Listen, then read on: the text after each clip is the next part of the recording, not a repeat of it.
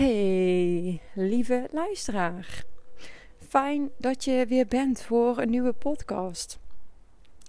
Vandaag een thema dat, ja, ik, ik gok op eigenlijk bijna iedereen wel van toepassing is. En het is namelijk het omgaan met schuldgevoelens.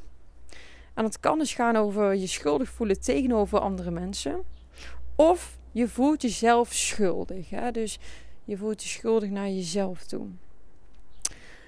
Um, waar komen schuldgevoelens nou eigenlijk vandaan? Nou, allereerst als kind zijnde denk je nog dat je onschuldig kan blijven. En daarmee bedoel ik te zeggen dat je als kind ja, toch de illusie kunt hebben van nou, als ik maar aardig doe tegen iedereen, als ik maar goed mijn best doe op school, als ik maar uh, ja, voldoe aan de verwachtingen van anderen, dan kunnen andere mensen in ieder geval niet zeggen dat het aan mij ligt. Dus dat is dan een manier om je onschuldig te houden. Alleen de prijs die je daarvoor betaalt is enorm.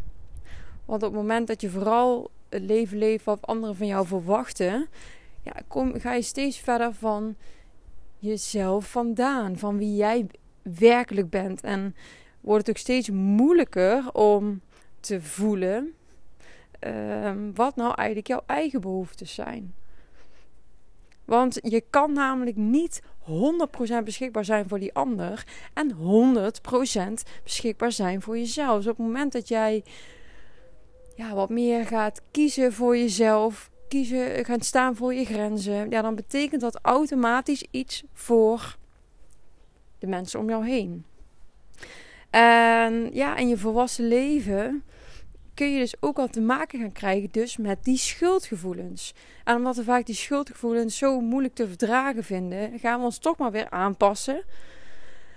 Um, maar we houden dat niet vol, want je bent dus in wezen niet trouw aan jezelf, maar vooral trouw aan een ander.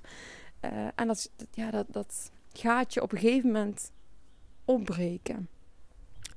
En dat kan uh, fysiek zijn, mentaal. Uh, ja, dat kan op iedereen anders uitwerken. Maar je bent niet trouw aan je eigen systeem. Dus dat kan niet anders dan dat het op een gegeven moment gaat wringen. En misschien merk je dus wel in je volwassen leven dat het wringt bij jou. Dat je voelt dat het veel energie kost. Maar dat je ook last hebt van die schuldgevoelens. Van ja, ik kan wel voor mezelf kiezen, maar dan voel, ik me vervolgens verschuldigd. Ja, dat is, dan voel ik me nog steeds niet goed. en dat snap ik.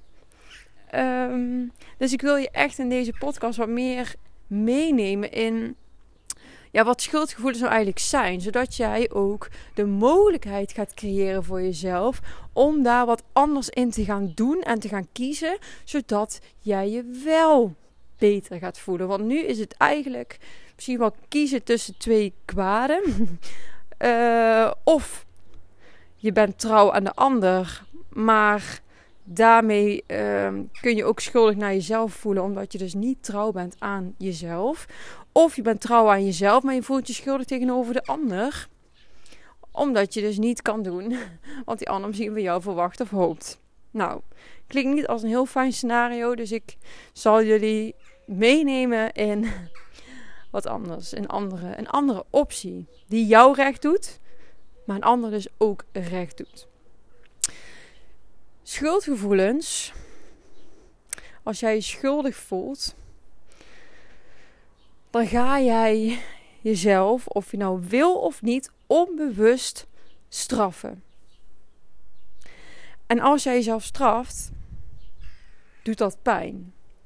Dus op het moment dat jij je schuldig gaat voelen, kom je eigenlijk in een visueuze cirkel terecht. In een negatieve spiraal die van kwaad tot erger gaat. Daar zitten vaak ook oordelen op. Oordelen over jezelf. Ik had nog een hele mooie situatie die ik wel even mee kan nemen. Uh, vanuit een groep. Vanuit een groep die naar voren kwam. Hè, van bij meerdere. Van ja, weet je, soms. Je zit in een groeiproces. Nou, en soms dan verval je weer even in het oude.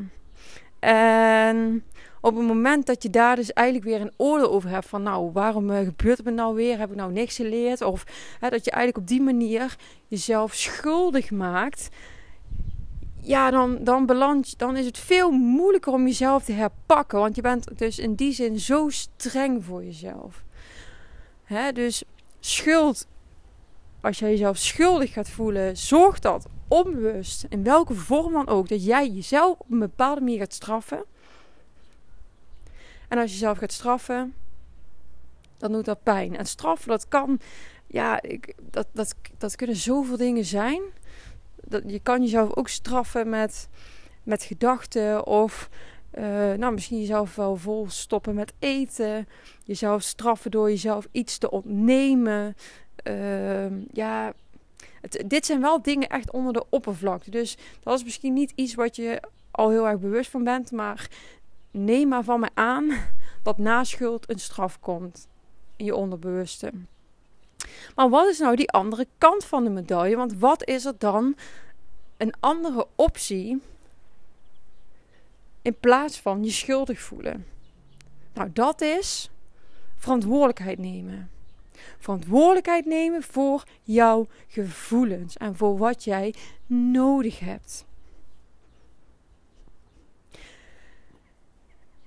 En wanneer je verantwoordelijkheid neemt voor wat jij nodig hebt, dan kan het dus zo zijn dat dat invloed heeft of een reactie geeft op jouw omgeving.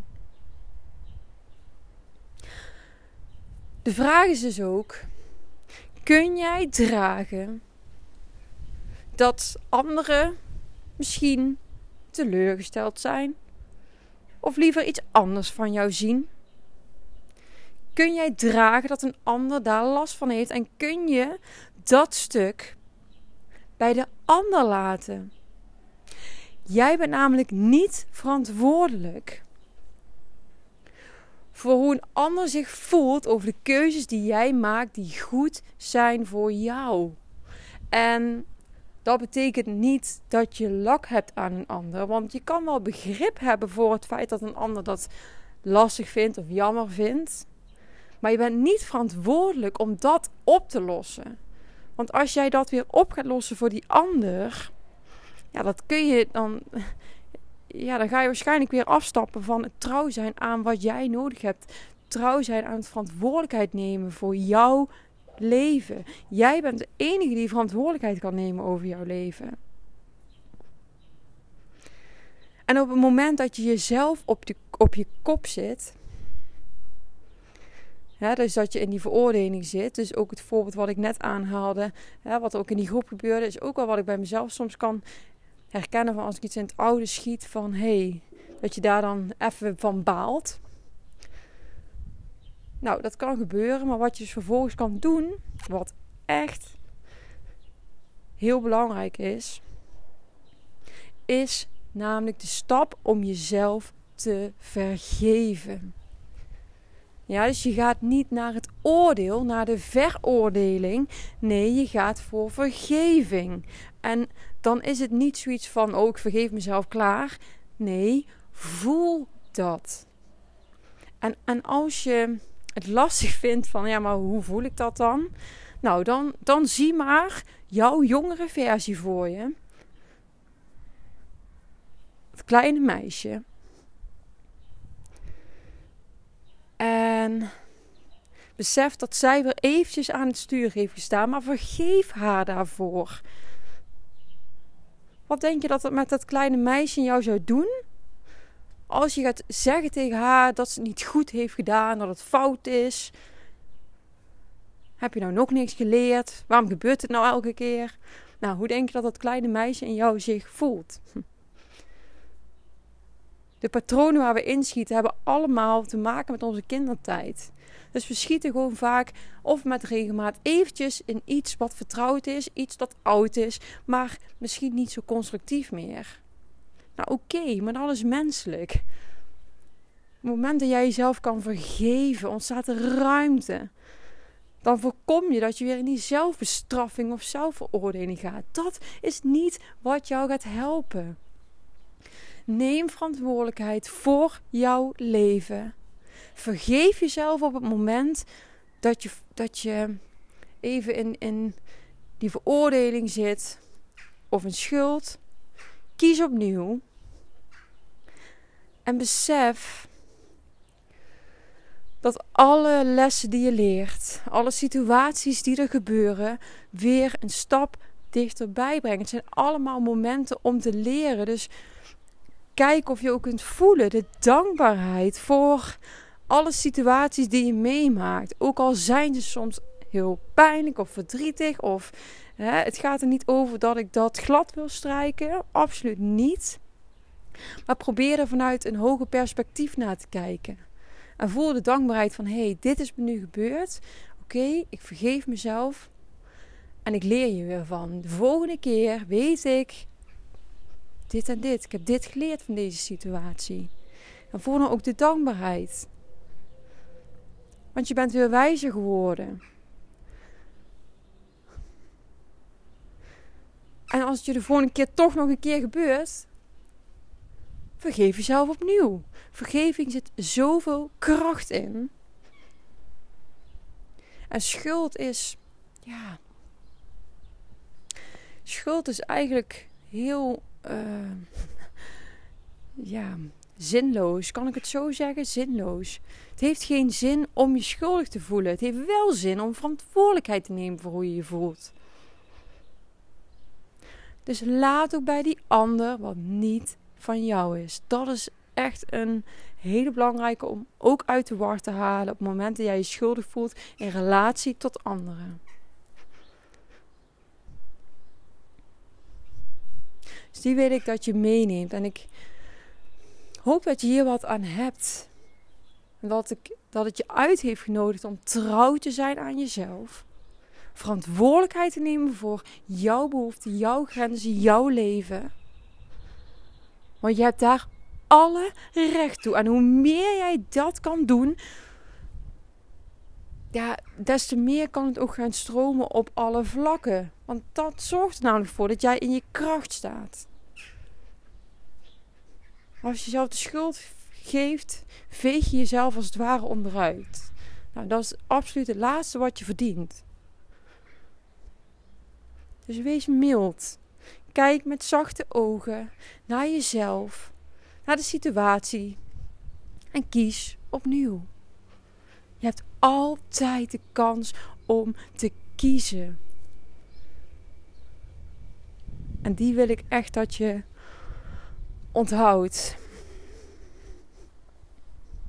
Ik ga hem afronden voor nu. Ik hoop dat je er wat uit hebt kunnen halen. En mochten er nog onderwerpen zijn waarvan je zegt: Oh, Imke, daar zou ik echt wat meer over willen weten. Je mag mij gewoon een bericht sturen. Ik krijg zo nu en dan wel een uh, suggestie.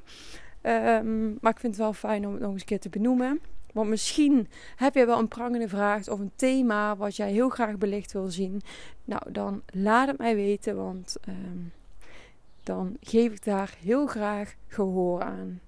Dankjewel voor het luisteren en ik hoop jou de volgende keer weer terug te zien.